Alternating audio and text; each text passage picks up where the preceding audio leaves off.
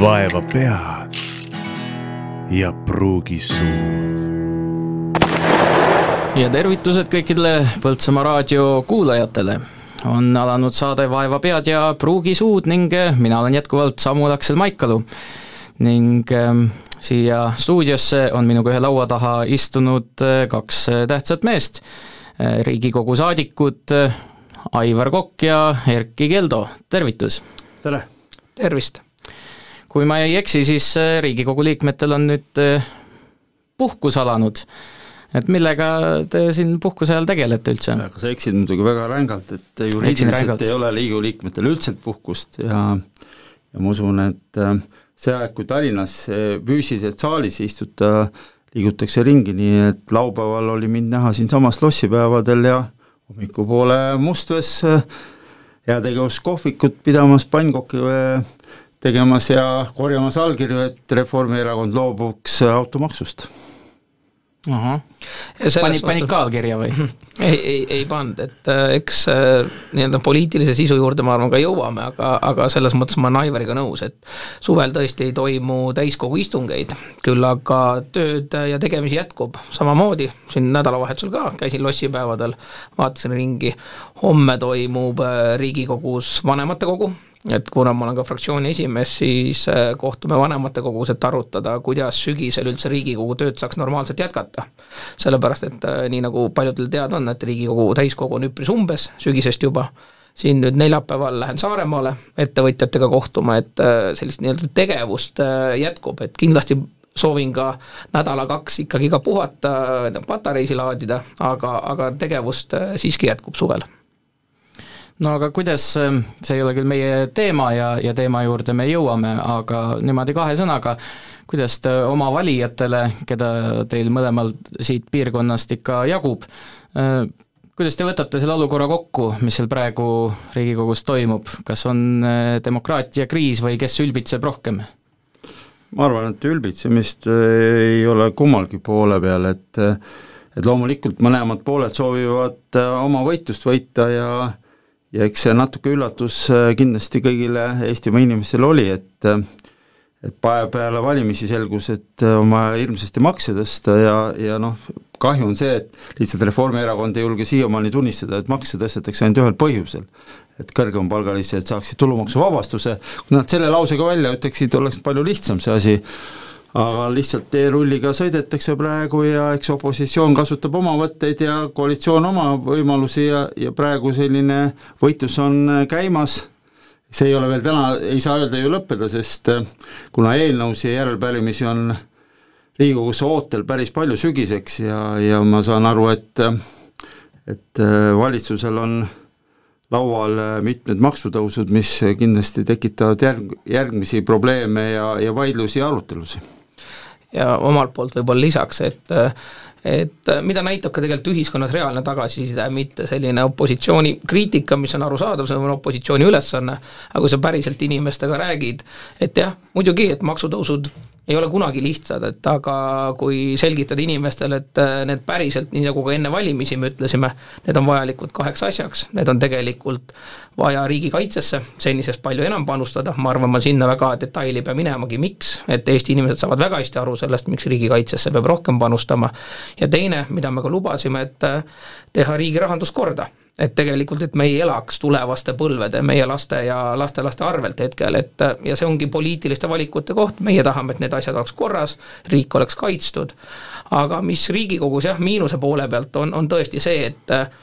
et on arusaadav, et opositsioon on varasemalt blokeerinud mingeid ideoloogilisi eelnõusid, näiteks nii, nagu meie blokeerisime seadusest tulenevate vahenditega pensionisamba lammutamist, kuna meie arvates oli see äärmiselt halb idee valitsus, tolle hetke valitsus, kuhu kuulus ka Isamaa, said need äh, usaldusega siduda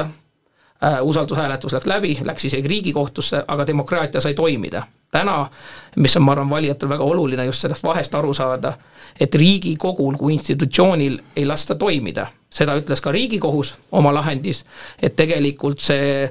massiliselt arupärimiste ja, ja samasisuliste, peaaegu samasisuliste eelnõude üleandmine ei ole põhiseaduse mõttega kooskõlas, sellepärast et Riigikogu peab saama töötada, jah, opositsioon peab oma õigusi saama kaitsta, koalitsioon ka, aga kõige olulisem on, et Riigikogu kui institutsioon peab saama toimida tervikuna. vot siin me näeme nüüd, et kuidas mälu on valikuline ei ole mitut aastat möödas, kui Keskerakond äh, hoidis suvel kinni, ei lasknud Riigikogul tööd teha ka valitsusel, sest seisis ühe ja sama eelnõu taga, oli perehüvitiste ehk äh, suure pere toetuste oma ja, ja see oli nädalate viisi, kuidas ööistungid olid, täpselt sama asi, see ununeb hetkega valimistel eel, mõni päev enne valimisi rahandusminister ütles, et raha on olemas. Kui ma täna vaatan ka riigieelarvet ja vaatan ka majandusseisu, siis äh, see on pidev bluff, et kuskil on raha puudu ja majandus on nagu rikkis enamus juhtudel on see viimase kahe aasta jooksul, mis on raha ära kulutatud, on ju peaministri portfell olnud ju Reformierakonna käes. et siis tuleb küsidagi, et kuhu raha pandud on. ja kui keegi räägib, et äh, kaitsekuludeks on vaja meeletult makse tõsta, siis on järjekordne väike vale, sest enamus kaitsekulud on ühekordsed kulud. Ja need ühekordsete kulude jaoks tehaksegi ühekordne investeering. ja siis selle jaoks, kui majandus kasvaks,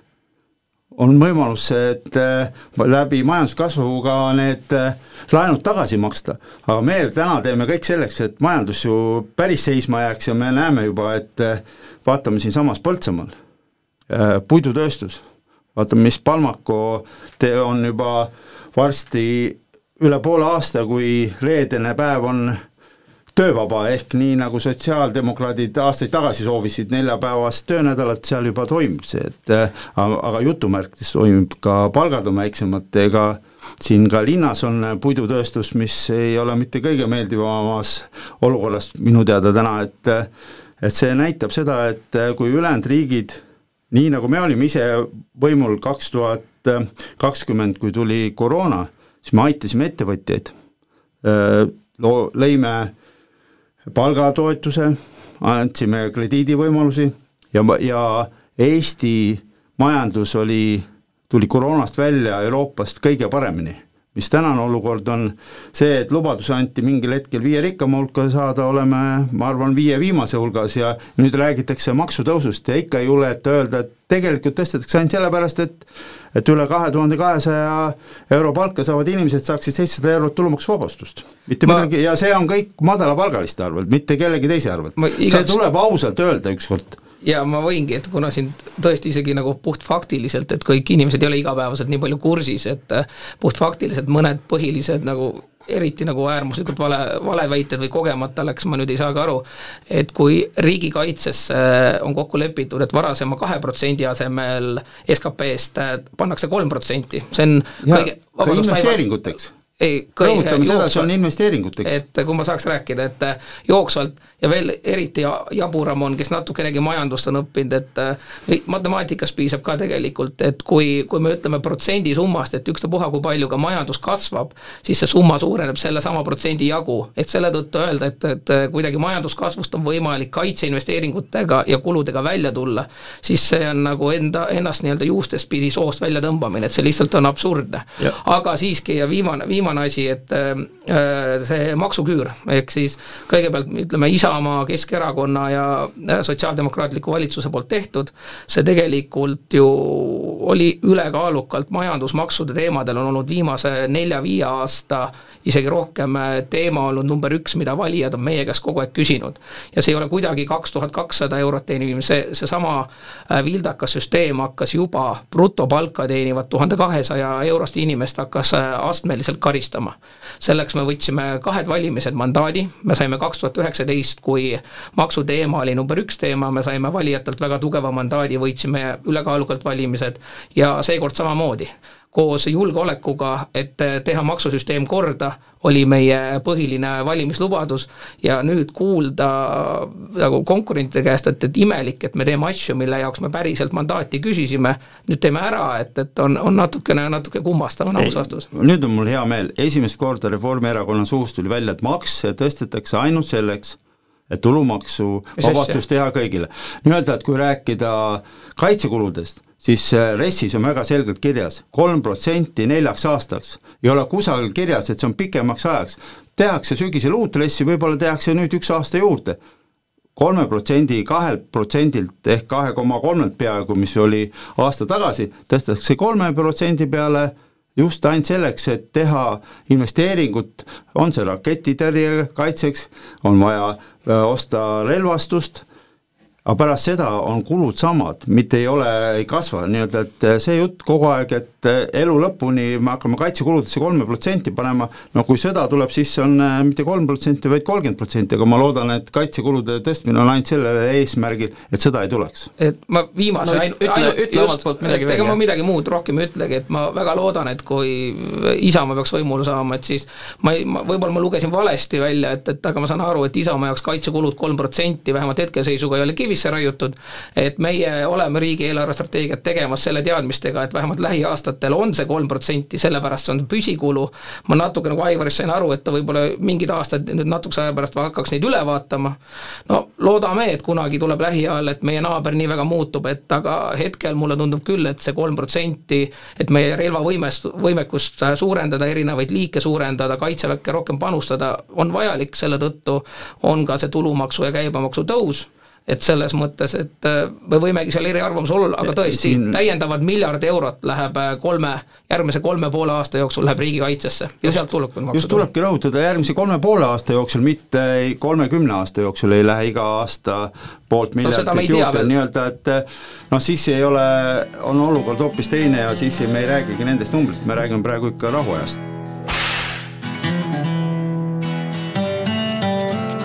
vaeva pead ja pruugisuud.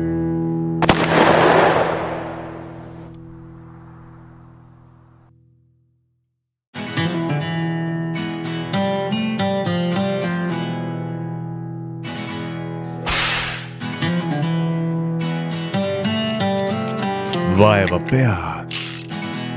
ja pruugisuud no aga hästi, saatejuht on äh, nüüd selline kuri inimene, segab vahele, tegelikult ma selles ei kahelnudki, et äh, ma võiks teid kahekesi siia stuudiosse ka istuma panna ja siis see oleks nagu vabavõitluse puurimatš ja teil ei läheks siia siis äh, kohtunikku vahele vajagi aga need on kindlasti sellised vahetult valusad teemad, aga sellise iseka inimesena eh, ma ikkagi tahaks teiega vestelda teemal, mis, mis mind ennast huvitab, kuigi see on väga hea, et selline sissejuhatus sai tehtud, eh, kümme minutit oligi selleks arvestatud, see oli, see oli nüüd selline sissejuhatus, nüüd algab eh, siis päris saade. Aga teema,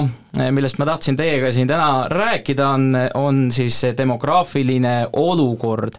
ja, ja kui ma ütlen sellise, ütlen demograafiline olukord, siis mõnikord mu keel vääratab ja tahab öelda automaatselt demograafiline kriis äh, aga siis ma saan aru, et see ei ole päris neutraalne termin, sest äh, kui peaministrilt küsitakse, opositsioon üritab kogu aeg pinnida, et äh, palun nüüd, kas meil on demograafiline kriis või mitte, siis peaminister Kaja Kallas rõhutab, et see on teema, millega tuleb tegeleda. Erki, miks peaminister ei taha välja öelda, et äh, tegemist on demograafilise kriisiga? sellepärast, et äh, küsimuseks kriis on selline asi tavaliselt, mis on äh, ennenägematu, ettetulematu hetkeolukord. küll aga mida me ju näeme ja mida me oleme ka väga viisakalt vastanud, et et hästi palju üritatakse nagu Eestit kuskilt nüüd nagu vaakumist välja võtta, et, et aga see, et Lääne-Euroopas tervikuna sündimus on vähenenud aastaid, aastakümneid juba, see on fakt see, et äh, nii-öelda sündimusega tuleb tegeleda, et meil oleks järelkasvu, see on ka fakt teistpidiselt. kus nüüd, ma arvan, poliitiliselt äh, tekib erimeelsusi, on siis kuidas täpselt tegelikult äh, peresi, kuidas siis äh, Äh, noori emasid, naisi toetada, milline see ühiskondlik tugivõrk peaks olema, et milline, milline keskkond on, mis äh, tagab tegelikult peredele turvatunde, mida nad täpselt selleks vajavad, et see on see teema, millega tuleb tegeleda, aga see fakt, et aastakümneid on ütleme, noored inimesed äh, vähem sünnitamas, peredel on vähem järelkasvu, see on, see on, see on nii-öelda pikaajaline protsess, et see ei ole kuidagi nüüd nagu äkkriis, vaid äh, seda, see on juba aastakümneid toimunud ja, ja sellega tõesti tuleb tegeleda samamoodi äh, võib öelda, et kliimakriis on ka midagi sellist, mis on ju väga pikalt teada olnud ja, ja, ja selle kohta me ütleme ikkagi kriis. no kliimaga selles mõttes veel ma julgeks öelda, et äh, isegi natuke võib-olla teistsugune olukord, kuna isegi meil Eestis on poliitilisi jõude, kes ütlevad, et mingit kliimakriisi või muutust ei ole olemaski. et ütleme, et see, et, et sündimus on vähenenud aastakümneid, see on fakt, mida ma usun, et vist mitte keegi ei vaidlusta. et kliimaga tervikuna on see, et, et seal on väga palju sellist ütleme, ideoloogilist, poliitilist vaidlust, et siin meilgi ju Riigikogus on jõud, kes ütlevad, et sellist asja pole olemas, see on välja mõeldud äh, mure, et äh, noh, need on need vahed, ma arvan, et ja siis on nooremad inimesed, kes ütlevad, et äh, meil pole enam aega, et me peame maailma, maailma päästma kohe, tegema neid samme kohe. Ja sealt ka, sealt ka see sõnastus Aivar, kas ähm, Isamaa tunneb ennast muidu äh, halvasti või kibedalt ka, et äh, see demograafiline kriis oli justkui Isamaa nišiteema, aga nüüd tundub, et äh, mõned teised parteid veel on selle oma leksikoni võtnud, selle sõnapaari? ei no väga tore, mida rohkem poliitikuid toetavad laste kasvatamist ja laste saamist, seda parem on Isamaa on ju olnud esimene, kaks tuhat seitseteist hakkas kehtima esimest korda Eestis ju suurperetoetus.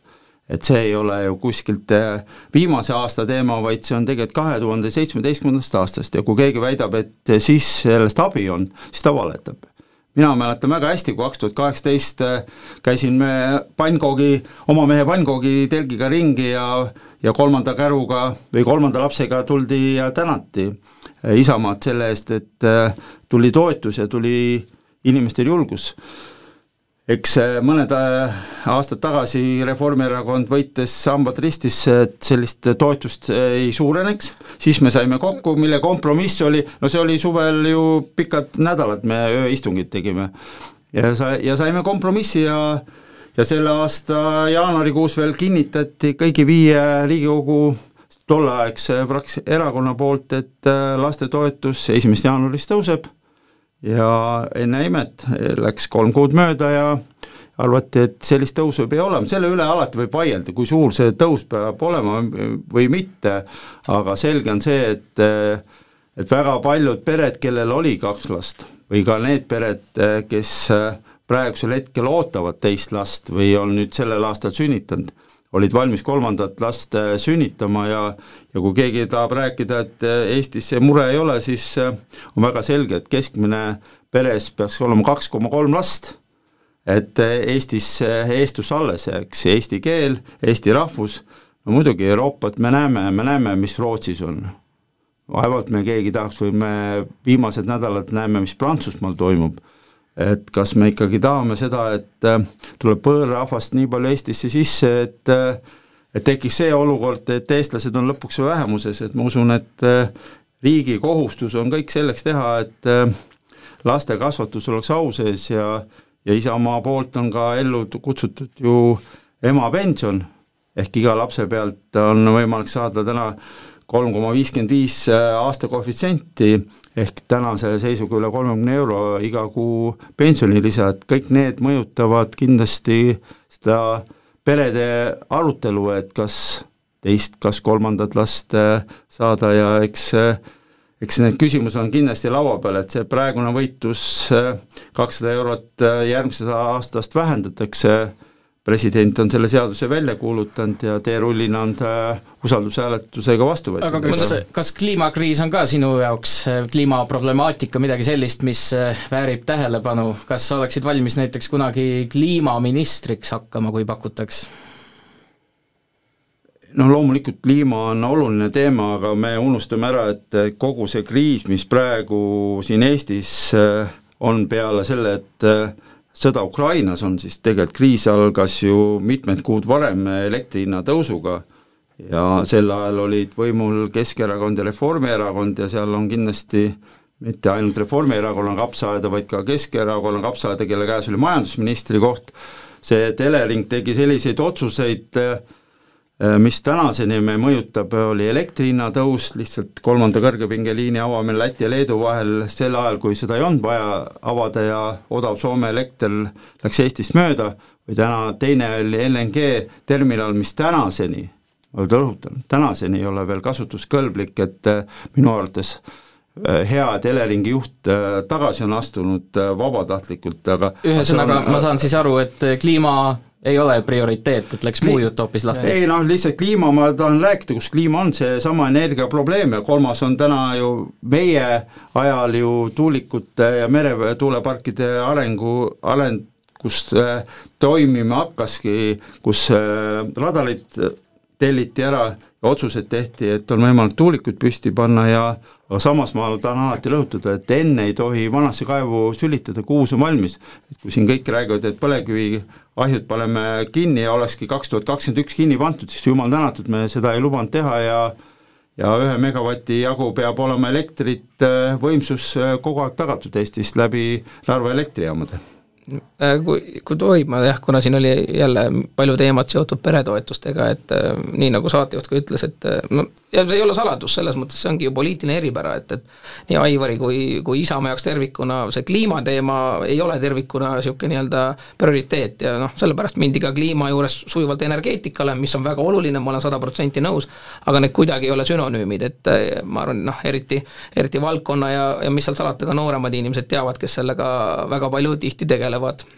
aga tulles äh, peretoetuste juurde,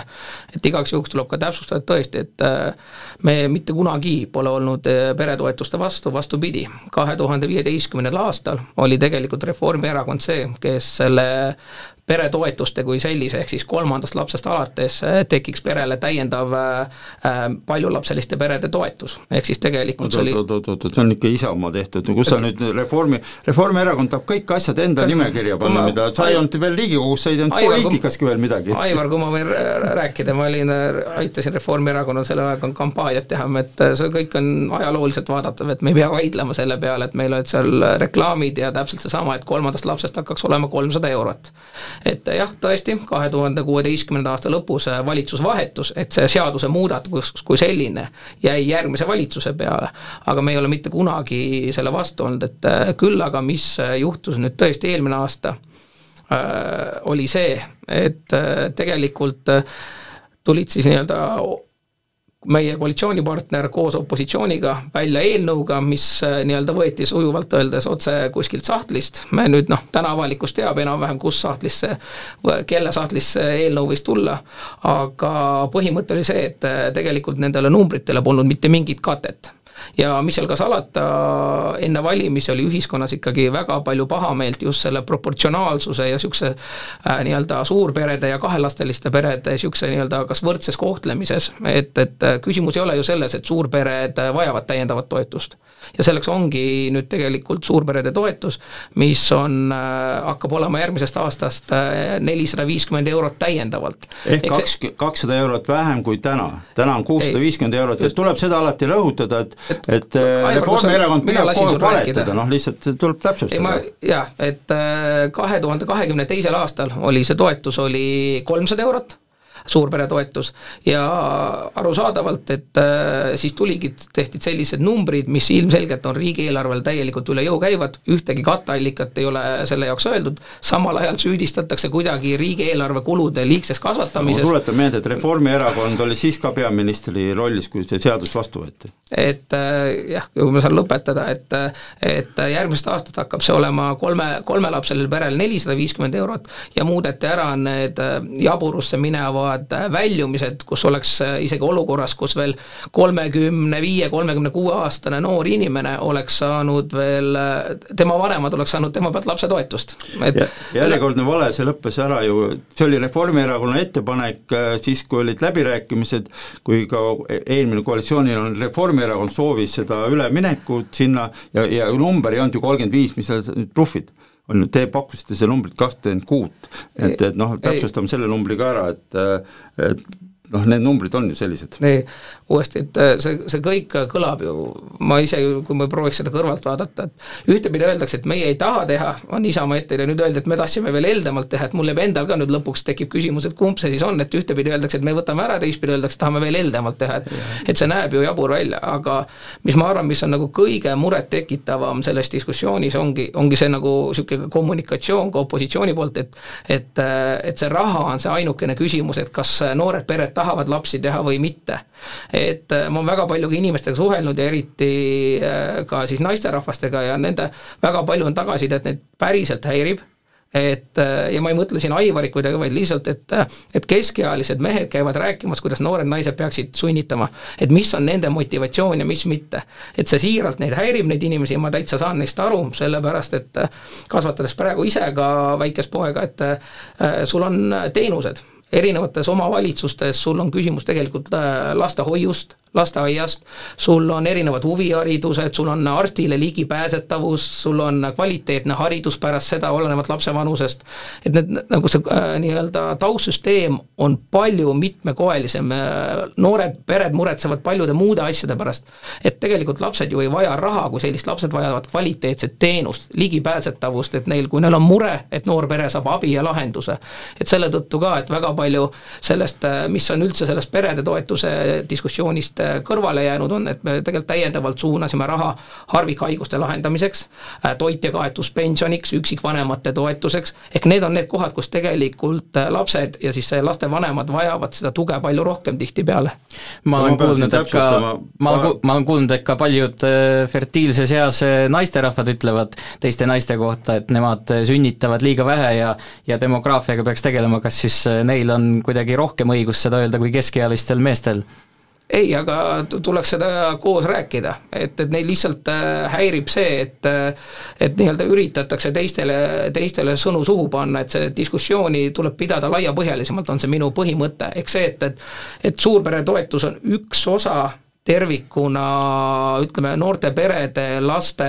niisugusest nii-öelda turvavõrguste toetamisest, et et me oleme jäänud sinna ühte detaili kinni, aga nagu ka ju öeldud sai, meil on, meil on ühelapselisi peresid, kahelapselisi peresid, kolme, nelja, viie ja nii edasi. ja paljudel peredel on väga niisugused ka äh, personaalsemad mured, et äh, nagu ma ütlesingi, et, et mitte väga kordama hakata, kellel on hariduse ligipääsetavuse küsimus, kellel on huvihariduse ja, ja nii edasi ja nii edasi, et, et, et ei ole olemas ühte vitsa, milleks on siis suurperede toetus, mis lahendab automaatselt meil selle demograafilise olukorra. ja, ja, ja siinkohas on ülioluline ka mainida seda, et Eesti lastetoetused ja peretoetused tervikuna, rääkides vanemahüvitisest, et meie, meie vanemad saavad poolteist aastat tegelikult ju lapsega kodus olla, kui see soov neil on olemas, Äh, lastetoetused, peretoetused on maailma ühed heldemad üldse. et kui me siin enne rääkisime, kui rikkad äh, mingid riigid on või ei ole, siis Eesti peretoetused äh, tervikuna on maailma absoluutses tipus ma muidugi pean siin jälle natuke Erkit parandama, et, et mitte poolteist aastat, vaid kolm aastat saavad emad lastega kodus olla. Nad soovivad, palka saavad mitte poolteist, vaid saavad üks koma seitse. aga, aga ma enda koha pealt ütlen, et mul on kolm tütart ja nad on kõik sellised, kes on praegu nii-öelda noored emad ja ja mu keskmine tütar küll, kes äh, sünnitab teist tütart või teist last ja teist tütart ka, jah. et äh, oli küll algul plaanis kahega, siis kui seaduse arutelu oli ja vastu võttis, siis nad peres arutasid äkki kolmas, kuna nüüd öeldakse, et äh, kakssada eurot tuleb ikka ära nendelt võtta iga perelt, nüüd nad mõtlevad, kas ikka on, kõik ei ole sellise palgaga nagu meie eriti Riigikogus, enamus Eesti inimesi ehk seitsekümmend, ligi seitsekümmend viis protsenti saavad alla Eesti keskmise ja nende sissetulek ja, ja kindlustunne on väga oluline ja ja suurperetoetus ongi üks põhjus, oli see, et peredele luua kindlustunne. praegusel hetkel ma ei taha vaielda, ma ütlen veel kord selle numbri üle, aga, aga see kindlustunne on eestlastel kadunud selgelt kui sa ütled, et numbri üle ei vaielda, aga siis omet-, et ma... suurperede toetus on olemas, ta kasvab võrreldes kahekümne teise aastaga veel. järjekordselt äh, see, et sa jätad ütlemata, et kaks tuhat kakskümmend kolm ehk täna on see kuussada viiskümmend eurot, ärge ajage seda demagoogiat kogu aeg, et eelmisel sajandil oli see seitseteist. räägime siis sellest, et üksi kasvatava ema toetus oli aasta tagasi seitseteist eurot. Ja nüüd on sada kuuskümmend eurot, on ju. ja see on tehtud eh, sellel valitsusel, kus olite teie, meie, see ei ole täna tehtud. Teie valitsuse aeg on võetud ära lastele. Need haridustoetused, omavalitsustel on see raha ära võetud riigi poolt. Te räägite, et hakkate neid panna, seesama harvikhaigus, me tahtsime seda panna eelmine aasta, et selle aasta riigieelarves on, teie erakonna rahandusminister ei olnud sellega nõus tolleaegne, ei olnud nõus, noh ehk, ehk teiepoolne, et, et see kõik see jutt on tore, aga oleme ausad, see on Eesti Vabariigis esimest korda, kui jaanuarikuus võetakse seadus vastu ja nelja kuu pärast öeldakse, et see seadus tuleb tagasi võtta. mina olen ausalt öeldes presidendist selle koha pealt pettunud, et ma olin kindel, et president sellist seadust ei saa välja kuulutada, et nelja kuu pärast tehakse ümber otsus ja see on Eesti perede äh, suhtes ju väga vale otsus. Teine pool on, millega me ei ole täna veel jõudnud arutada, aga aga loomulikult ma arvan, et me mõlemad oleme nõus sellega, et esimese ja teise lapse toetus peaks kasvama võrdselt kolmanda lapse toetusega, ehk saja euro peale peaksid need toetused olema noh, me tõstsime ta kuuekümnelt kaheksakümne peale koos aga ja vaata, ma lihtsalt ühe korra, et kuna tõesti siin on hästi palju segameid, et vot, vot selles mõttes ühtepidi on see hea, et see ongi päris poliitiline sisuline debatt, aga selle juures äh, tuligi, et ühtepidi on etteheide, et äh, kuidagi oleme äh, meie nagu riigi rahanduse korrast ära lasknud. On mitu korda kõlanud, et las ma, ja siis äh, öeldakse, et samal ajal äh, tuuakse, et äh, on nüüd see lastetoetus, peretoetus, tuuakse põhimõtteliselt sadades miljonites eurodes maksumaksjale uusi kulusid. see on nelikümmend miljonit. Äh, räägime numbrites, õigete numbrite äh, suurusjärkudega ja teine on see, et Aivar, lased mul lõpetada, et ühesõnaga pidevalt valetad sisse, noh. ma võin sulle need numbrid ja ma võin ka saatejuhile võin pärast üles panna, tuua palju, palju oli aastas, on kulu sellel suurperede toetusel ja kui me lisame sinna veel juurde ka näiteks lastetoetuse tõusu, siis kahekümne euro võrra, et see, see on, on suurem see on väga-väga palju suurem ja nüüd ongi see küsimus, et, et ühtepidi me näeme, et me täna riigina kahjuks kulutame palju rohkem, kui me teenime. ehk siis tegelikult ükski normaalne pere ei saaks niimoodi toimida, nagu täna toimime me riigina, selles mõttes, et et meil on jooksvad kulutused on suuremad, kui me tegelikult teenida suudame. ehk see ei ole jätkusuutlik. seda saab rahastada ainult ja täna ka kahjuks rahastatakse sellega, et tuleb täiendavalt kogu aeg laenu ehk võlgu võtta. ja kui veel alles veel mõni aasta tagasi siin räägitakse, osad julgevad veel veel siiamaani rääkida, et äh, laenu ei peagi kunagi tagasi maksma. see protsendid, et äh, sealt ei tulegi intressi maksta. järgmine aasta me maksame üle saja miljoni euro, maksame puhtalt ainult intresse, mille eest võiks äh, kõiki neid suunatud kvaliteetsemaid, ma ei tea, haridusse, kultuuri, peredesse panna. et ühesõnaga, mis see, see mu mõte on, et kui opositsioon teeb sadades miljonites erinevaid ettepanekuid, ma ei mõtle Isamaad siin, ainult opositsioon tervikuna. ja kui küsitakse, et kuskohast see raha siis tuleb, siis öeldakse, et äh, ei häbeneta võlgu võtta, et äh, küll raha leitakse, eks see oligi see olukord, kui me kaks tuhat kakskümmend üks aasta võimule saime, täpselt sama suhtumise pealt leidsime me ees tegelikult miljard, üks koma, peaaegu üks koma kaks miljardit puudujääku eelarves, mis oli, puhtformaalselt oli kirjutatud, et äh, kavatsetakse kärpida kavatsetakse kokku tõmmata riigiaparaati ja see valitsus, tuletan meelde, oli Keskerakonna, EKRE ja Isamaa valitsus, kus oli riigieelarves oli ühe koma kahe miljardi suurune auk, täpselt samasuguse suhtumise pärast, et küll kunagi tuleb. Erki, sul on Tallinnas kodu äh,? on see laenuga sul võetud või, on see liisinguga võetud sul või, on sul auto liisinguga võetud või? On ju, oota, miks sa neid, kuidas sa neid ikka laenu liisu võtad, see on ju laste arvelt. ei ole, see ei ole püsikulu. kui oleks kaks, kui oleks kaks äh, tuhande, kahe tuhande ehk selle sajandi alguses ehitatud Tallinn-Tartu maantee kaks pluss kaheks, nagu oli plaanis, siis täna ei saa selle raha eest ka kümmet kilomeetrit teha. tänasel me võtame teederaha täiesti maha on ju, mis peaks pool miljardit iga aasta minema teedesse, et kaks tuhat kolmkümmend oleks Euroopa Liidule luba, antud lubadus kolme põhimagistraali kaks pluss kaks teed valmis. me seda täna ei tee. Ja me räägime seda mingi laenust, oota, kas meie lapsed peavad täna elama siis äh, nii-öelda kogu aeg ohtliku tee peal, et sõita ühest punktist teine, enam ei ole see koht, kus ma elan punktis A ja töötan ka punktis A, täna liigutakse ringi, sa räägid, et laenu investeeringuteks võtmine ja siis sa räägid oma protsendist, riigilaen on palju, mitu protsenti, nelja protsendi juures praegu, on ju, inflatsioon oli eelmine aasta palju, kuusteist protsenti, tähendab neli korda odavam on laenu võtta, kui inflatsioon, raha väärtus kaob iga päev. aastaid ei olnud vaja praktiliselt ei maksnud üldse seda protsenti, selle pealt majandus kasvas kiiremini, mida rohkem me investeerime äh, infrastruktuuri näiteks äh,, hakkame teedest peale või hakkame internetist peale, et oleks võimalik ka kaugtööd teha, seda vähem äh, me kulutame hilisematel aegadel, aga me elavdame majandust, ei ole võimalik maapiirkonnas muidu seda teha. Ja kui sa ütled, et laenu ei tohi võtta, siis ise sa võtad laenu aga riigil ei tohi võtta laenu, et teha põhiinvesteeringut. Erki, sa ütled siis seda, et, et kui riigieelarve on korras, et siis inimesed tunnevad turvatunnet ja küll siis sünnitama hakkavad või? ei, ei, ei, seda, et lihtsalt, et, et see nii-öelda, et inimesed saaks aru sellest, et ja mulle tundub, et saavad, kui ma vaatan ka ühiskonnas ja mis seal salata, vaata, vaatame ka kas või toetusreitinguid, et inimesed Eestis, mulle tundub, et ka saavad aru, et selline jõuluvana mängimise aeg on läbi. ehk et tegelikult kaks tuhat kuusteist aasta lõpus, kui tuli siis Jüri Ratase esimene valitsus, enne seda ja kus oli ka väga palju varasemalt Isamaa oli enne seda valitsuses, oli ikkagi väga hea tava, et kui mõni poliitiline jõud ütles, et äh, soovitakse teha mingit toetust, mingit meedet, mida iganes, siis öeldakse, et kuskohast ka sellele kulule leitakse tulupool ehk kate. Aga kaks tuhat kuusteist alates kuni kui põhimõtteliselt kahe tuhande kahekümne teise aastani äh, suurendati riigieelarve baaskulusi ja me ei räägi mingitest investeeringutest, äh, palgafondi, toetuseid, äh, alandati aktsiise ehk maksulaekumised vähendati. ei vähenenud, me tõime ju piirikaubanduse tagasi ju. et sellega no, ma olen nõus, et tõime piirikaubandust tagasi. aga lase mul lõpuni palun rääkida, et ühesõnaga kuue aasta jooksul suurendati riigieelarve kulusid massiliselt ilma ühtegi tulupoolt ja ma reaalselt ütlen, mitte ühtegi tulupoolt kuue aasta jooksul juurde ei toodud. ja sellest on see auk tekkinud, millest ma räägin, et tegelikult niimoodi ei saa lõpmatuseni elada, inimesed saavad sellest ka aru väga hästi. ja sellepärast ei, ei sünnita? ei, küsimus ei ole ainult selles, et äh, küsimus on, et milline on meie majanduskeskkond, milline on meie riigi võimekus tagada erinevaid teenuseid, et et lõppkokkuvõttes äh, ega mis see nagu maksu, nii-öelda maksutõusude tänane eesmärk ongi väga palju julgeolekusse panna, aga tulevikus tuleb ka vaadata järgmiseid samme, et, et kas te, kas te, kas, kas te mõlemad olete on ju puhas vale selles mõttes, et kui me, meie elavdasime majandust,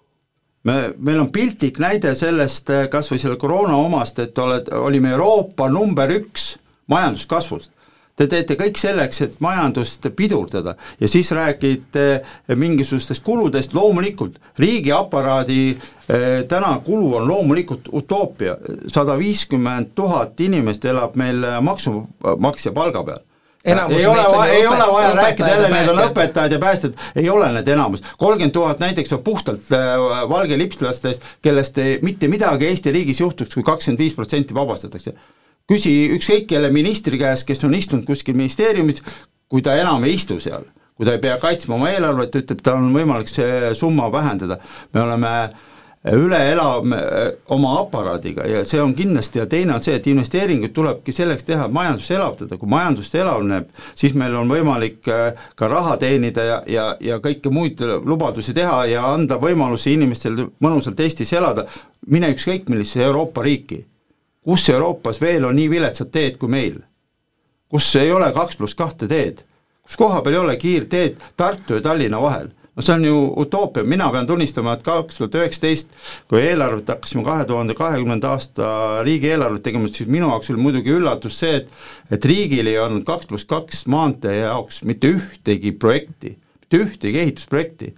tänaseks on need projektid enamuses olemas ka siitsamast kõik mööda, teie, teie osaluses olevad valitsused, igaks juhuks täpsustan. loomulikult, loomulikult, ma ei, ma ei tahagi absoluutselt kedagi teist süüdistada, vaid kõik me oleme selles äh, kapsaajas süüdi, sest ei olnud, ei ole olnud äh, valitsusjuhte ja ministreid selliseid, kes on aru saanud, et äh, majanduse ja Eesti elavdamine on oluline infrastruktuuri arendamine ja uuesti ma igaks juhuks viima-, ainult selle lause täpsustan, et äh, pole kunagi ette heitnud äh, investeeringuid majandusse, aga igaks juhuks aru saada, kõik need toetused, jooksvad kulud laenu arvelt ei ole okeid. see, et, et tehakse süstemaatilisi investeeringuid, meil tuleb eurorahasid, tuleb järgneva kuue-seitsme aasta neli-viis miljardit, mis kaks, tuleb ära investeerida. kaks tuhat neliteist tegite te esimese vea, kui te sotsidega võimule tegite, saite lühikesest aega, oli see, et äh, sidusite äh, kütuseaktsiisist teedeehitus ära, seitsekümmend protsenti kütuseaktsiisist kuhugi, sinna küll kirjutati Euroopa Liidu rahad ka sisse, aga see raha läks kogu aeg teede peale. Eestis on äh, teedeehitajad äh, Põhjamaade ja, ja siit ida poole minev parima tehnikaga ettevõtted. mis me täna olukorra oleme loonud, kus neli korda vähem on äh, tootmisvõimsust või tootmisvõimsus on, aga, aga tellimist on neli korda vähem, siis me müüme need odava hinnaga sakslastele ja soomlastele või? vaeva pead ja pruugi suud.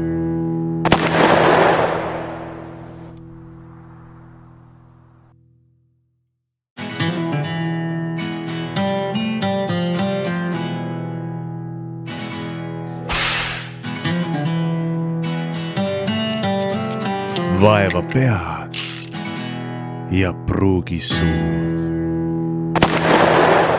kuulge, see teie arutelu on äh, kohutavalt põnev duell, mida jälgida, ma ainult siin haaraks äh, popkorni ja tõmbaks sooja vatiteki ümber põlvede ja, ja oleks äh, põnev küll. aga mulle tundub, et kui me räägime demograafiast ja siis te hakkate rääkima siin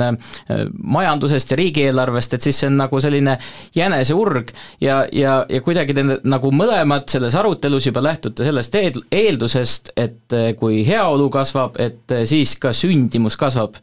ei, vastu, vastupidi sellise..., seda ju äh, kahjuks ka mitte ainult Eestis, vaid seda see kogu lääne ühiskonna ju numbrid näitavadki. et äh, mida suuremaks läheb äh, ühiskonna heaolu,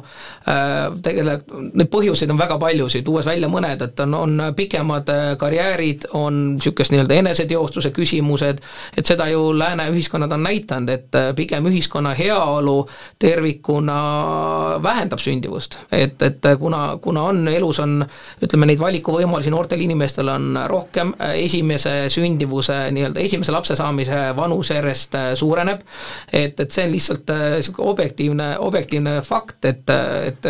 ja nüüd see küsimus ongi selles, et kuidas seda tegelikult nii-öelda noorte perede, noorte naiste sellist nii-öelda ühiskonna turvatunnet äh, panna tekitama, et nad ei jääks, et noored pered ei jää millestki ilma, et nad äh, saavad äh, turvaliselt oma lapsi nii-öelda üles kasvatada, eks sellest ma enne ka rääkisin, et see kõik sõltub nendest teenustest. ja, ja mis seal salata, et eks ta ongi, et kui inimesed on väga palju tänapäeval maailmas liikuvamad, et selline nii-öelda, inimesed tunnetavad, et nad tahavad endale enne mingit niisugust nii-öelda finantsilist vundamenti, protsenti või tahavad eh, elus kuhugi jõuda, et neil on niisugune turvatunne olemas, et nad suudavad need lapsed heas kvaliteetses nii-öelda kodukeskkonnas üles kasvatada, et need on need murekohad tegelikult, mis tuleb ära rääkida, et me, sellepärast mulle ka üldse ei meeldi, et me keskendume ainult kas siis nii-öelda ainult suurperedele, suurpered on ka olulised, aga nii, nagu on öeldud, et sama olulised on ka esimene, teine, kolmas, neljas ja seitsmes laps, et tegelikult iga laps on oluline. ja tervikuna pered, ma arvan, tahavadki näha seda terviklahendust, et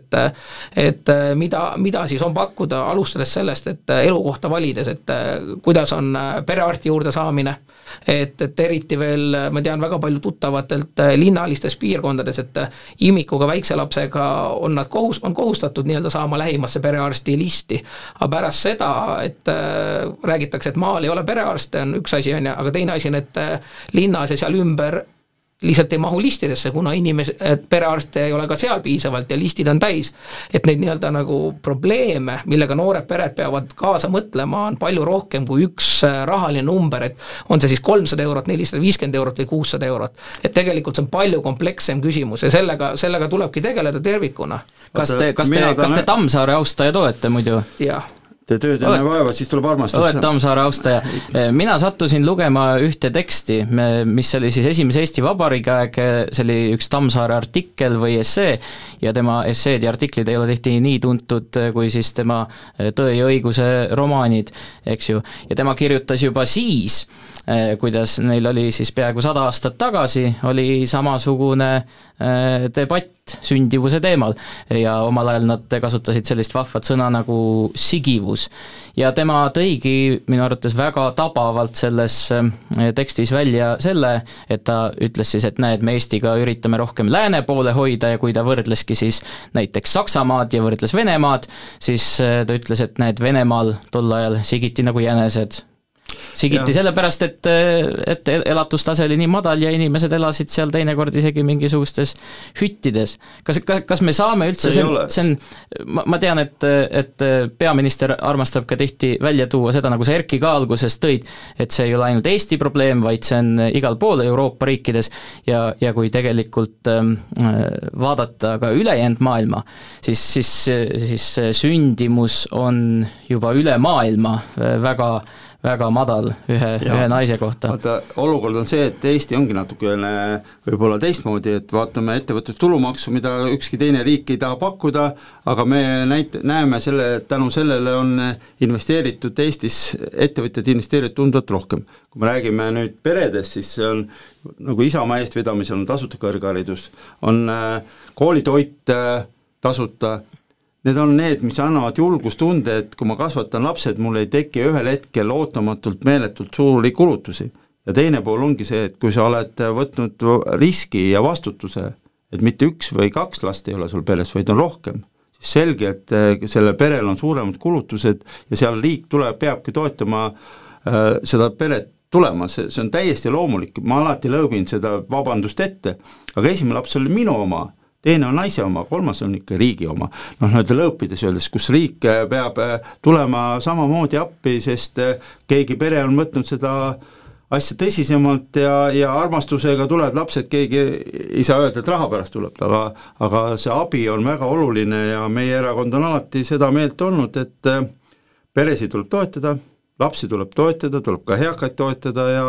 ja tänu sellele, et täna ka tasuta kõrgharidus eestikeelne on, on ikka väga paljud lapsed saanud hariduse ja on saanud paremat töökohta ja paremat palka. aga siis ma... te räägite ju ikkagi samast asjast põhimõtteliselt, et Isamaa ütleb, et äh, anname peredele raha juurde ja teie ütlete, et teeme teenuseid juurde, lõpuks ju summa summarum annab sama no, asja välja. küsimus on lihtsalt see, et kumb on targem, kas mina oma perega otsustan, kuhu seda raha paigutada või riik, kes ütleb minu eest, et kas tee seda, teist või kolmandat, et näed, see teenus on meil olemas, võta seda teenust, aga seda teist teenust sa ei saa.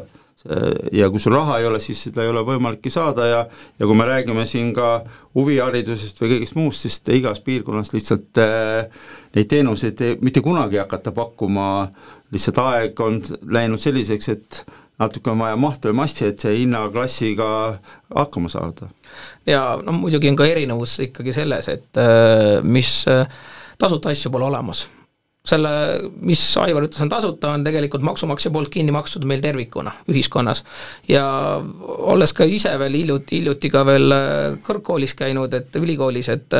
et väga palju on ikkagi näha ja äh, tekitab küsimusi, me oleme erakonnas rääkinud see, et äh, raha pärast ei peaks kindlasti mitte ühelgi võimekal noorel inimesel jääma ülikooli või kõrgkooli minemata. aga see, et meil tegelikult täna on tekkinud sellest nii tobe olukord, et ülikoolid tahaks ise tahaksid küsida, kaasata eraraha, kas võigi, kas võigi seal nii-öelda erinevates õpetes, kus, kus ilmselgelt turg toimib väga hästi, näiteks juriste ei, ei peaks mitte kuidagi sellises mahus äh, ülejäänud maksumaksjad rahastama nende õpinguid kinni. ärijuhte, erinevad haldusjuhte, neid noh, ja need kõik on täna, on äh, nii-öelda maksumaksja kulul. et, et tegelikult meie arvates seda süsteemi tuleks ka reformida, me näeme, et meil on väga palju puudu näiteks matemaatikaõpetaja, õpetajaid, arste, õdesi, et riigil, et tegelikult äh, me ei, me ei ole nii suure rahvaarvuga riik või, või nii rikas riik, et me saame lubada, et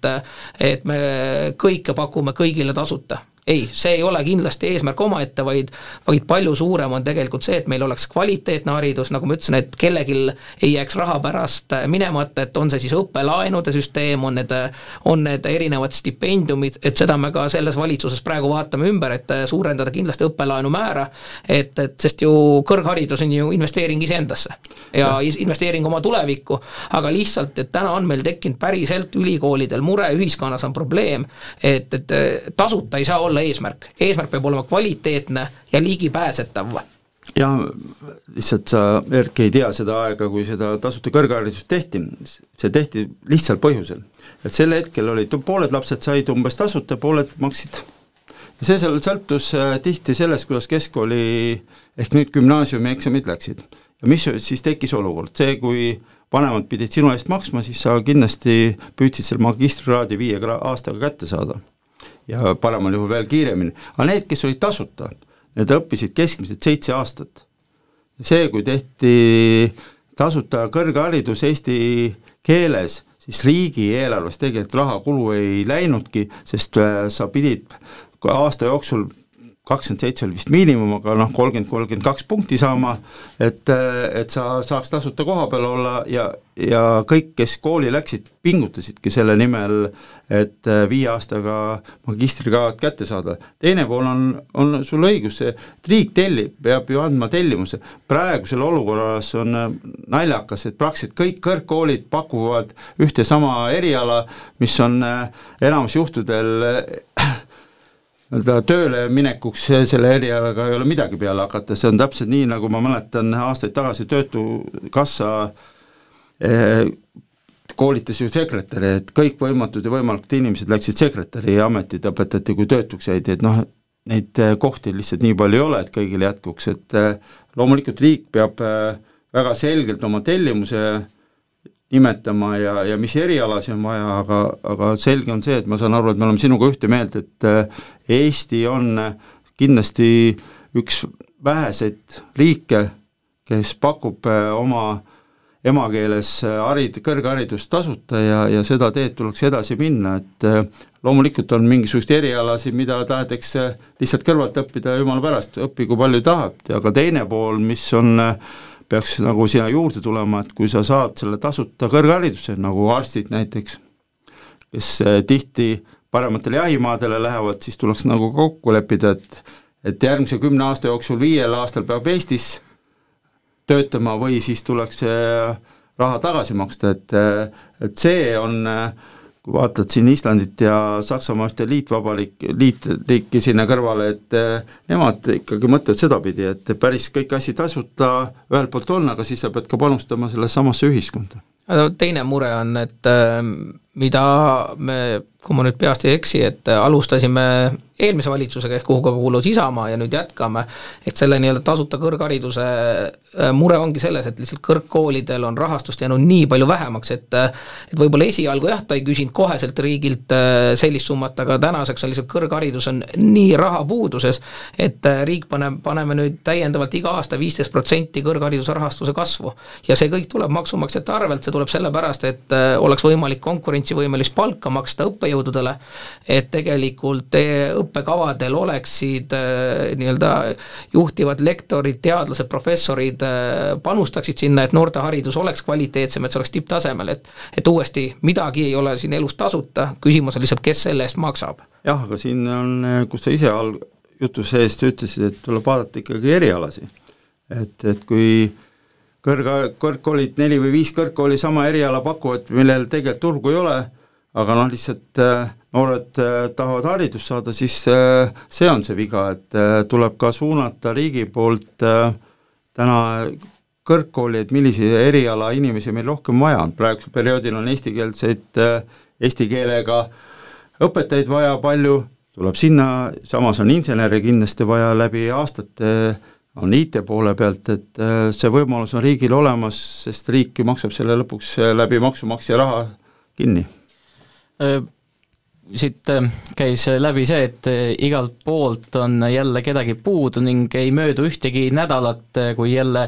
mõni selline uudise pealkiri meile ette ei tuleks, et kuskilt valdkonnast on puudu, kas on insenere puudu, õpetajaid on puudu, medõdesid on puudu, kõiki on puudu, kas see ei ole mingisugune märk sellist demograafilisest kollapsist, mis meile kuklasse hingab? on isegi selliseid arvamusi, et tegelikult päästa ennast sellisest äh, kollapsist ei annagi, et me saame selleks ainult, ainult valmistuda, kas teie ei karda sellist demograafilist kollapsi? Ei, et eks äh, ju erinevad sektorid äh, läbi aja, läbi innovatsiooni alati, alati arenevad, et tuues kas võigi niisuguse kõige maalähedamase näite on võib-olla põllumajandussektor,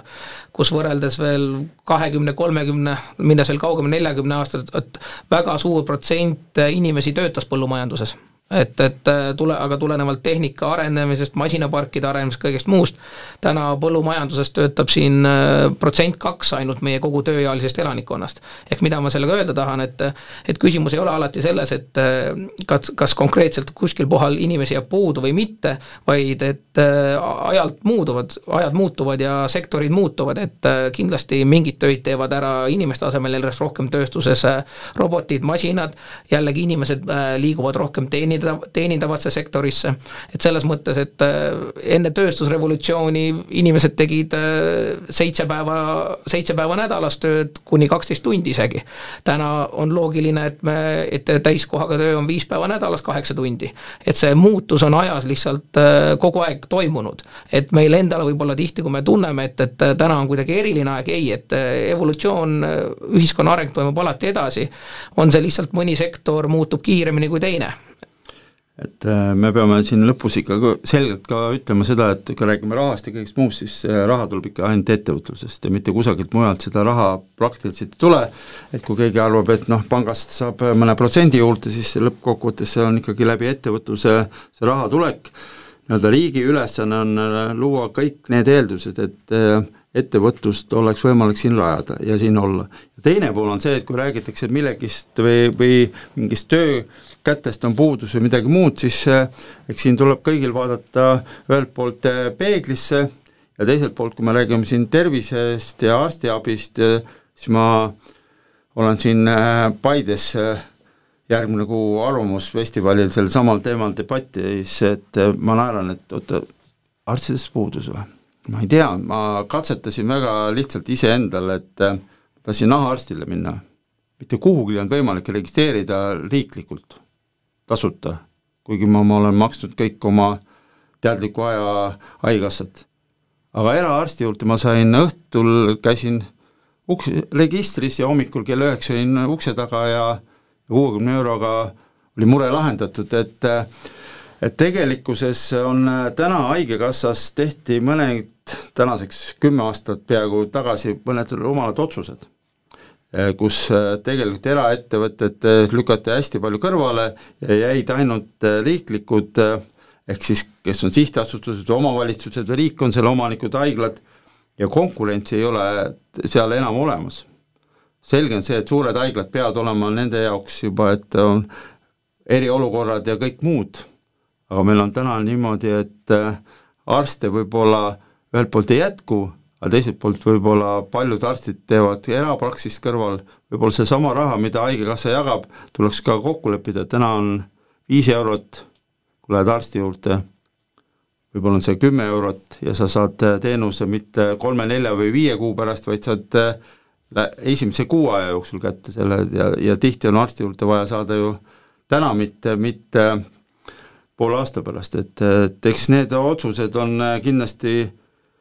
järgmistel aastatel nii valitsuses kui Riigikogus, et millist teenust, millise maksu eest saad, kas oled valmis makse pidevalt tõstma ja neid maksma või sa oled nõus, et mingi teenus ei ole nii palju, kui, kui ta täna on, võib-olla mingi teenust on vähem, et see ongi see otsus, mis ta peab tegema nii-öelda nii valija kui, kui valitsus. Minu tähelepanu köitis see, mis sa, Erki, ütlesid, et need kõik sektorid arenevad ja, ja et võetakse uusi tehnoloogiaid kasutusele, aga kas see äh, ei ole siis mitte kas me ei looda siis sellise seisukohaga liialt tehnoloogiatele, mida täna ei ole olemas, et noh, näiteks mida me teeme selle tohutute massidega vanainimestega, keda, keda on tulevikus palju, eluiga kasvab, ja, ja kui vaadata rahvastikupüramiidi, siis ta ei ole isegi enam püramiid, kas paneme siis mingisuguse et äh, loodame, et keegi, tuleb mingi tehisintellekt, kes siis äh, seda vanurite hulka suudab äh, kuidagi hallata või eks äh, teine, teine temaatika keskmise eluea tõusu juures on ja väga oluline number, mida tuleb ka alati jälgida, on ka tervelt elatud aastad. ehk siis küsimus, äh, mis seal salata, et ma julgeks öelda, et äh, täna viiekümne viie aastast inimest võrrelda kolmkümmend aastat tagasi viiekümne viiesega ei ole võimalikki, nagu et ega, ega vist niisama ei ole need naljad tulnud, et et viiskümmend on uus kolmkümmend ja, ja nii edasi ja nii edasi, et tegelikult meie inimesed äh, on tervemalt elamas, sellega tuleb väga palju ka, ka riiklikul tasandil, et sellist ennetust, tervislikku eluviisi et tegelikult äh, see, mida ma selles mõttes Aivariga nõus, et äh, et, äh, et me ei peaks ka liiga palju ainult rääkima tagajärgedest, vaid tegelikult rääkima sellest, et mis on võimalik enne ära teha. ehk alustades noorte liikumisest, sellisest teadlikust toitumisest kas võigi, et, et, et mis meie tänane laste väga suur probleem on, on, et lapsed võrreldes kas võigi juba saan öelda niimoodi, niimoodi lausa, et minu ajaga, et kui mina olin et väike poiss, mäletan, et tuli nagu tagasi koju ajada, et tuleks staadionilt või väljast rattaga sõitmast ära, et täna on vastupidi. et täna on see, et tuleb äh, väga palju vaeva näha, et lastes tekiks see liikumisharjumus, tekiks see harjumus olla tervislik, et, äh, et see on tegelikult võti, sest et eeldus, et, äh, eeldus, et meil kõik inimesed, kas või eakamad on, on nagu haiged ja väetid, et ma seda eeldust ei tahaks kuidagi sisse võtta, sest vastasel juhul me sellisena ühiskonnana ongi väga raske toimida. aga see, et meil oleks aina rohkem tervelt elatud aastaid, sellele me tegelikult laome vundamendi vundamendi juba nooruspõlvest alates. ja ma julgen küll öelda jah, et, et see on ka, et mis on kõrvalt vaadates ühiskonnas oleme ikka väga vähe rääkinud sellest noorte liikumisest ja sellisest nagu süstemaatilisest tegemisest, et sest mis seal salata, see algab kõigepealt perest siis koolist, siis äh, lähikonnast ja, ja milline on see riiklik äh, ja kohaliku omavalitsuse niisugune toetav süsteem. et see on see teema, et, et ma, ma ei tahaks olla nii nagu mustadesse toonidesse seda maalida, aga see, et meil on rohkem äh, eakamaid, muidugi, aga need eakamad on ka, paljud on tööl, sest nad tahavad käia, mitte et nad peavad käima, vaid nad tahavad ühiskonda tagasi panustada, nad tahavad olla aktiivsed. ja ma arvan, et tulevikus me näeme, et seitsmekümne viie aastane inimene veel täitsa toimetab, on, on tööturul tahetud ekspert, sest tal on väga palju kogemusi ja tal tervis lubab ja võimaldab ka toimetada ja ma arvan ka, et tegelikult ühelt poolt tehnoloogia on arenenud päris kõvasti, et, et kui minna täna Jaapanis hooldekodusse, siis äh, üheksakümmend protsenti teevadki nii-öelda tehisintelligent ja, ja robotid selle töö ära, aga teine pool on äh, tõesti, et kõik algab kodunt. et oleme nüüd ausad, et äh, ma, mul on hea meel öelda, et kui ma maavanem olin, siis üks prioriteet oli, me tegime kooli ja lasteaedade ko-, kokaraamatud mitte sellepärast, et ma, minu nimi Kokk on, vaid see oligi see, et tervislikud toidud oleks ja ja seal oli väga lihtne, viissada toitu tehti valmis ja lapsed ise valisid selle hulgast, mis neil maitsesid, siis tuli sada seitsekümmend toitu, mida sa said koolis teha, need olid tervislikud, nad olid, ei olnud, kaloreid oli piisavalt, aga ütleme, võib-olla kaalu ei võtnud nii palju juurde, siis ja ja teine on seesama liikumine, et loomulikult, et kui pere liigub, lasteaias liigutakse, koolis liigutakse, et praegu käib siin nii-öelda riigi tasandil kaklus, et kas koolispordilt ja jõudilt keskustest raha ära viia maa poolt, see on alati niimoodi, kellel meeldib ema, kellel tütar, käib see vaidlus kindlasti ja veel tükk aega, aga aga me peame kõik ise tegema endast ka olenema selle, et, et me on, oleks neid tervelt elatud aastaid rohkem ja loomulikult on, haigused käivad mööda inimesi, sealt ei ole midagi teha, et eh, sa võid olla väga korralikult toitunud ja tervislik, ikka tuleb haigus ligi, et, et see, siis tuleb minna arsti juurde ja loota, et arst aitab, aga aga täna on selge, et minu isa oli seitsmekümne viie aastaselt, käis veel tööl, me jõuga tõime ta töölt ära, ütlesime, et nüüd oleks aega pinsil olla, siis sai veel kakskümmend aastat pinsil ka olla, elada üheksakümne viie aastani, et aga see oligi sportlikult elatud aastad. et see kindlasti on oluline aga Aivar, ma kuulengi, sa räägid nüüd sära silmis tehisintellektist ja heast toidust ja ja, ja helgest sellisest vanaduspõlvest, et aga siis polegi ju probleemi ikkagi selle demograafiaga, et täpselt nii, nagu Erki ütles, et äh, ja, tervelt elatud aastad, panustame sellesse, et neid oleks rohkem ja, ja, ja saame elame üle selle see kümme, kümme-viisteist aastat äh, võib-olla on inimesed rohkem äh, tööl, aga ega järglasi on ikka vaja, et ega siis ühel hetkel me kõik lähme pilve peale ja vaatame seal oma järglasi, et sellest siiamaani ei ole veel keegi pääsenud, et et oluline no ega siis kindlasti... lapsed täiesti ära ei kao ah, ju jaa, aga kui siis, iga, iga aastaga neid vähemaks jääb, siis äh, me näeme siin äh, mõned aastad tagasi, kui oli maasikauputus ja piirid olid natuke rohkem kinni, ei, ei saanud ukrainlased tulla, kus oli kisa ja lärmi palju ja, ja paljud meie inimesed enam ei ole nõus sellist tööd tegema, et samas ma tean, et ka Jõgeva inim-, Jõgevamaa inimesed käivad maasikat korjamas ja, ja teenivad päris hästi, et ega on äh, nii ja naa, kuidas keegi seda soovib, et ega meie, ma usun, et kõigi soov on see, et eestlased ja eesti keel ja eesti kultuur siin Eestimaal oleks ka järgmisel sajandil. Ja ma nii palju, et äh, saatejuht ise ka ju ilusti enne mainis, et äh, et kui me vaatame kas või on see Eesti või muid riike ajas tagasi, kus äh, varasemad ajad, kus inimestel ei olnud pooltki selliseid võimalusi, elujärk oli, oli palju kehvem, aga tegelikult ju sünnitati rohkem, ehk et äh, täna, kus meil aastast aastale elujärk äh, läheb paremaks, mitte ainult meil, vaid äh, ikkagi kogu Euroopas selline heaolu kasv kogu aeg tõuseb, siis meeldib või mitte, siis objektiivselt see pigem on toonud sünni, nii-öelda sünnitusnumbreid alla, et, et et noh, sealt tulenevalt tekibki seesama ju küsimus, et me saame ise ju selgelt aru, et seal on korrelatsioon, et et raha ise ei pane kedagi sünnitama, et seal on väga väga palju muid tegureid ja, ja pigem need on tihtipeale perede puhul väga individuaalsed, et et mitte väga detaili minnes, et, et siin on kuni, kuni selleni välja, et kellel on kas või meditsiinilist abi vaja, et soovivad, aga tegelikult ei ole võimalik lapsi saada. et neid põhjuseid, et miks keegi ei sünnita, neid võib olla väga-väga palju ja lihtsalt, et mis, mis mulle isiklikult ei meeldi, et, et, et nagu seda taandatakse ainult raha peale. see, et, et turvavõrk peab olema, et igaks juhuks kordan ennast üle, muidugi, et sellepärast on suurperedel on eraldi turvavõrk, mida ei ole, ei ole ühe ja kaps-, kahelapselistel peredel. Ka on, on lastetoetus universaalne, mida saavad kõik, et ja samamoodi on omavalitsuse põhised toetused, et iga omavalitsus toetab ka ju enda peresid, enda noori erinevate teenuste, teenuste ja kas või ka toetustega. et selles mõttes, et see, see on palju keerukam ja komplekssem süsteem, mitte et seda taandada ühe numbri peale. jaa, aga kahjuks või õnneks kaks tuhat seitseteist seaduse vastuvõtmine näitas, et sellest oli kasu.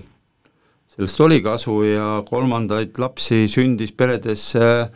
tol hetkel päris korralikult, kahel järgneval aastal, et see turvatunne on oluline, sealt ei, sealt me ei saa kuidagi no, öelda, et, et see ei ole, aga ja, ja teine on see teine turvatunne, mis on inimeste jaoks oluline, et kui Riigikogu võtab vastu seaduse ja ühi-, ühehäälselt nii-öelda üks äh, aknaalune hääletas selle vastu ainult, et ja siis kolme, nelja kuu pärast seda muudetakse, et see turvatunne on teine pool, et me ei tea ju, mis homme milline seadus muudetakse, noh, Erki siin rääkis, et arutatakse, kas tasuta kõrgharidus on ja kuidas on ja kas ta peaks olema, et äh, kui me teame, et järgnevatel aastatel on äh, seadused kehtivad, siis äh, ka peredel tekib teisi, kindlasti turvatunne ja ja loodame, et ikkagi peredes kasvab peale esimese ja teise lapse ka kolmas laps ja ja ma olen Erkiga kindlasti sama meelt, mida ma olen ka Riigikogus mitmel korral rõhutanud, et väga palju noori peresid millegipärast ei saa seda esimest last, nad tahavad, aga ei saa. Ja see, kui kaua neid loksutatakse äh, arstide vahet, enne kui aidatakse nii-öelda see laps ilmale tuua, siis äh, võib-olla on see koht, kus võiks mitmed aastad lühemad olla, et, et mu tutvusringkonnaski on, et viis aastat loksutatakse ja ja esimest korda, kui viljastus tehakse, on, ongi laps üheksa kuu pärast käes, et, et võib-olla oleks palju varem pidanud tulema appi, et ja aitama, et see ei ole riigile sugugi kallis lõbu, see on kindlasti palju odavam kui kõik muu, kui on iga laps, on väga kallis parandus eh, nii perele kui riigile. No ma olen lugenud, et see kunstlik viljastamine ei ole ka nii lihtne protsess, et paljud loobuvad sellest enne, kui nad tulemuseni jõuavad, sellepärast et sa pead seal proovima, proovima, proovima jälle ja pingutama ja, ja, ja tihti ei tulegi midagi välja. see protsent, kellel tuleb juba esimesel, teisel või kolmandal korral, on ikkagi väga suur, muidugi on ka neid, kes ei, ei saa mitte kunagi, katsetavad ja katsetavad, aga, aga see protsent on äh, iga aastaga väiksem ja väiksem. Kuulge, aga selline kiire Pandora laeka avamine siia lõppu, et äh, kui mul, mul on siin lahti CIA äh, andmebaas ja siit ma vaatan äh, seda, neid sündimusnumbreid ja hakkavad silma siin Aafrika riigid just, need, mis seal Saharast ja ja sealtpoolt alla jäävad, no mis te arvate, kas võiks siis väikse sellise immigratsioonisüsti ka teha, aitaks meile kaasa sellele demograafilisele olukorrale? rahulikult kohe. kindlasti mitte, et, et see, et ühesõnaga punkt üks, me ütlesime, me peame ju enda inimestega tegelema ja ja see, et, et meil on ju olemas äh, nii-öelda immigratsioonikvoodid, meil see, et me siia tahame kontrollitud rändega tarka tööjõudu, kes meie majandust kasvatavad ja kes äh, aktsepteerivad meie ühiskondlikku reegleid, et, et ma arvan, meil siin Aivariga ülemäära vist väga palju erisust ja. ei ole, et, et, et see, et see on kontrollitud, see, et nad panustavad ühiskonda, selle, et aga, aga et hakata mingit sellist nii-öelda katsetust massiliselt, ma arvan, mitte keegi Eestis seda ei soovi tõenäoliselt. no kindlasti ei. kindlasti ei. kuulge, aga äh, ma olen siin lõpus ikka toimetanud niimoodi, et äh, külalistele jääb siis äh, vaba mikrofon, et äh, Põltsamaa inimesed kuulavad kõik siit kandist, et soovite neile öelda midagi ilusat, ehk isegi midagi mitte nii ilusat. ja mina soovin kõigile jätkuvat sooja suve, et viimane nädal on küll vihmane olnud, et aga aga pool suve on järgi, Eestimaa on suvel väga ilus käige mööda saari, käige Lõuna-Eestis, Põhja-Eestis, nautige, kui vähegi võimalik on puhkuse ajal. tehke, tehke sõprade, perede seltsis ühiseid üritusi, nautige ühiseid ilusaid hetki, et äh, ma loodan, et kõigil tuleb hea suvi ja kui võimalik, tehke, tehke sporti, liikuge, nii nagu siin soovitatud sai. ja ma soovin ka kõigile kõige paremat ja, ja mul on hea meel, et äh, Põltsamaa särab, kui vaadata Jõgevamaad, siis kindlasti Põltsamaa on kolmest piirkonnast äh, viimastel aastatel kõige tublim. Ja, ja, ja siin on ka väga palju riik, riigi poolt tuge, aga riigipoolne tugi on äh, nagu öeldakse, vili on väga viljakale maale langenud ja kui me siinsamas mõisakompleksis või lossikompleksis oleme, me näeme, mis on juhtunud sellega paari viimase aastaga ja ma usun, et äh, see areng koos Roosisaare ja kõige muuga aastast aastasse läheb ja, ja ka ettevõtlus ei kao siit ära, küll e-piim läheb siit ühel hetkel ära ja ka puiduettevõtted on siin, metalliettevõtted on, et kõigil oleks tööd ja leiba, siis äh, ma usun, on kõik hästi, et ma soovin kõigile, et teie pere oleks terve, tuba soe ja leib laual, küll kõik muu tuleb ise aga tänud, et te sammud siia Põltsamaa lossi seadsite äh, minuga vestlema, äh, tore oli näha, et alguses äh, noortel meestel siin veri vemmeldas ja, ja läks pea ette kismaks, aga aga lõpuks lahkutasid täitsa heade sõpradena aga saade oli Vaeva pead ja pruugi suud, saatejuht oli Samuel Aksel Maikalu ning külalised Aivar Kokk ja Erkki Keldo. tänud kuulamast! aitäh! aitäh! Vaeva pead ja pruugi suud.